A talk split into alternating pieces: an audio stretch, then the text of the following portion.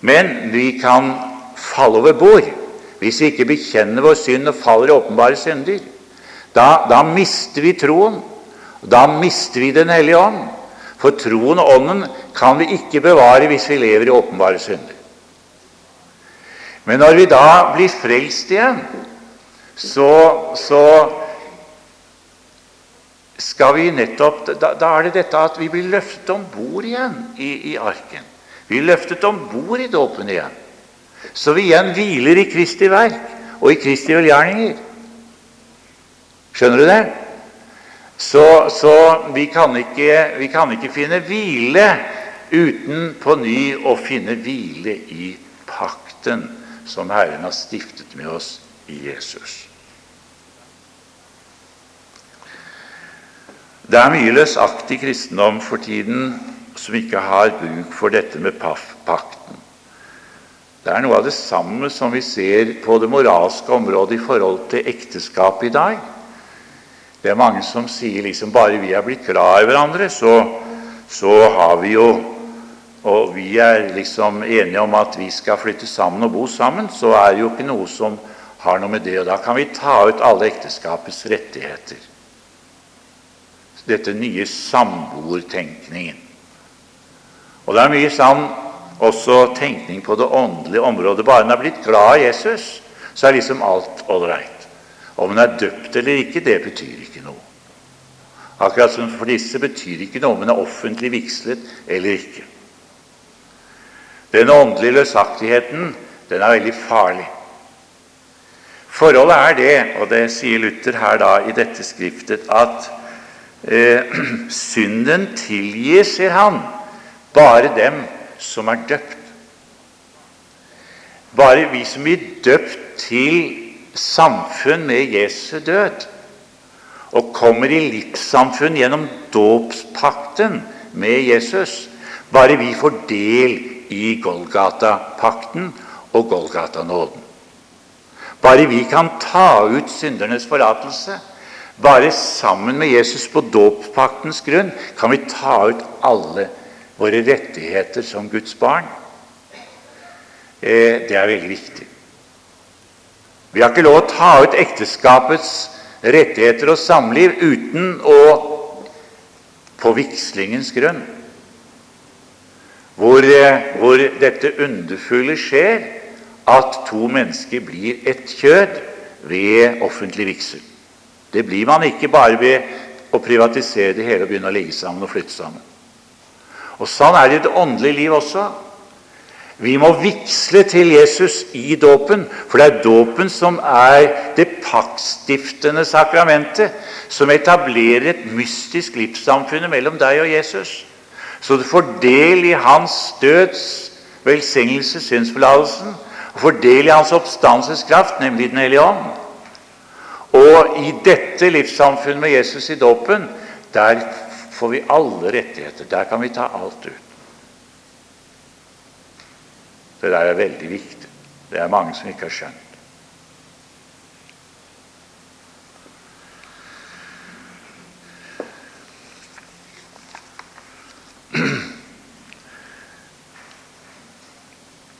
Det er mange som, som spør i dag også hvor lenge, hvor lenge en står, står vi i vår dåpspakt? Eh, hva er det som, som, gjør at eh, vi eventuelt faller ut av den? Og det lar ikke bekjennelsen oss, eller Guds ord oss, i, i noen uklarhet om. Det er det står tydelig at de som gjør kjødets åpenbare gjerninger, eller naturlige menneskes åpenbare syndere gjerninger, de, de, de, de, kan ikke stå i domspakten. For eh, troen kan ikke leve, og vi kan ikke beholde Den hellige ånd. Det blir boligkrise for Den hellige ånd, som vi får i dåpen, dersom vi vandrer i åpenbar synd. Luther sier i det bekjennelsesskriftet de smalkaldiske artikler Den hellige ånd, sier han, lar ikke synden råde eller få overhånd hos en kristen, så den blir fullbyrdet, men forhindrer at synden får gjøre hva den vil. Eh, det er nødvendig, sier han selv, å vite og å lære andre at dersom troende mennesker eh, faller i åpenbare synder, så har de dermed tapt troen og ånden. Så viser han til Davids fall med Batseba. Han henviser til tyveri, til åpenbar løgn, bespottelse av Guds navn, eksempel, som eksempler på syndens åpenbare gjerning. Og det merker du. Er du en sann kristen, så faller du som i ild og vann, ikke sant? Hvis du faller i åpenbar synd. Og da, det, da blir det krise i dåpslivet vårt og i dåpspakten vår. Og hvis ikke vi da straks bekjenner og kommer til anger og bekjennelse, så vi tror på ny syndernes forlatelse og blir oppreist, så faller vi over bord i denne Noas ark som vi er døpt inn i. Derfor kan ikke synden bestå, dåpspakten bestå, hvis vi begynner å leve i åpenbar synd. Da blir vi frafalne og må omvendes gjennom den store omvendelsens port, gå gjennom om porten på ny for å, å igjen komme på dåpspaktens grunn. Ellers så, Når det gjelder det med den daglige omvendelse, som vi nettopp skal realisere livet gjennom, så så, så, så, merker vi jo alle vi som er døpt, at her står også her står kampen. Jeg siterer også hva han sier, Luther, om den daglige omvendelse i smalkaldiske artikler. Han sier Den hellige ånd, som følger synsforlatelsen, og som vi altså får i dåpen, den utrenser, sier han, og bortsoper daglig de synder som blir tilbake arbeide med mennesket for å gjøre det rent og hellig. Og som vi ofte har sagt, så lenge vi lever, blir mange onde lyster tilbake i vår onde natur. For våre verste fiender som vi har, de befinner seg midt i kjødet og blodet. Disse synder sover med oss og lever med oss som onde gjester vi har fått inn i vårt hus, og som ikke vi blir kvitt igjen. Eh, vi piner derfor og plager synden hver dag ut og inn i den daglige omvendelse. Den gamle Adam elsker sitt liv og vil ikke dø før han på dommedag må få gått til graven. Og Derfor må vi hver dag drive på med å feie alle onder lyster ut, sier han. Dette er den daglige omvendelse, som følger av at vi lever et slikt intimt paktsliv med den Herre Jesus.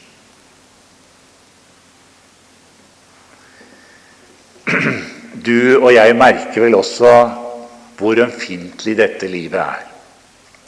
En tanke som i hjertet kom, og som du litt lot råde, har så titt gjort sjelen tom på Guds dyre nåde. Et løgnens ord i Adam for, det lagde verden øde. Det har voldt til sjelemord, hvorved mange døde, synger vi.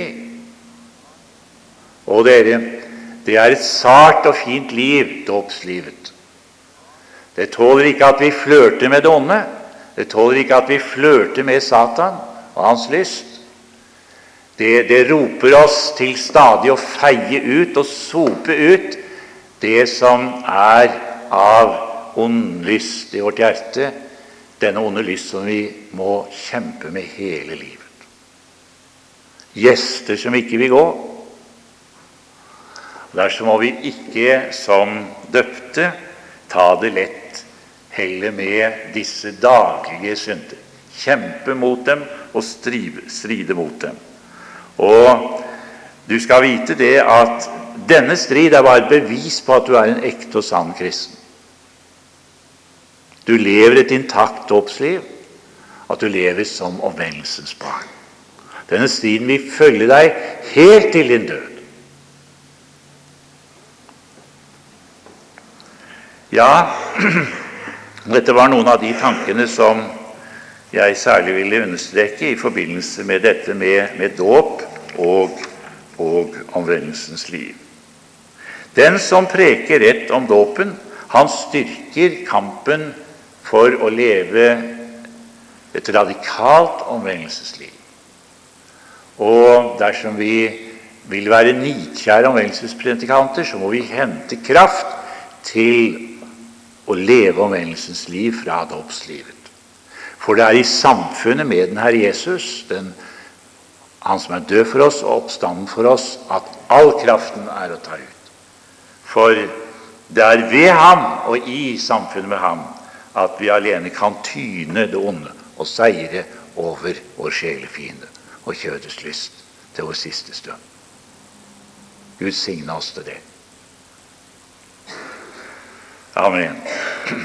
Nu bør ei synden mer med makt og herredom uti mitt sinn regjere, men daglig kastes om. For jeg i dåpen er av Gud til nåde taget, har djevelen forsaket med samt hans gjerninger. Kjære Gud, hjelp oss at vi må be dette vers og hver eneste dag stride troens og omvendelsens gode strid på dåpsvaktens grunn, og seire ved Han vi er døpt til, som døde for oss og oppsto for oss. Amen.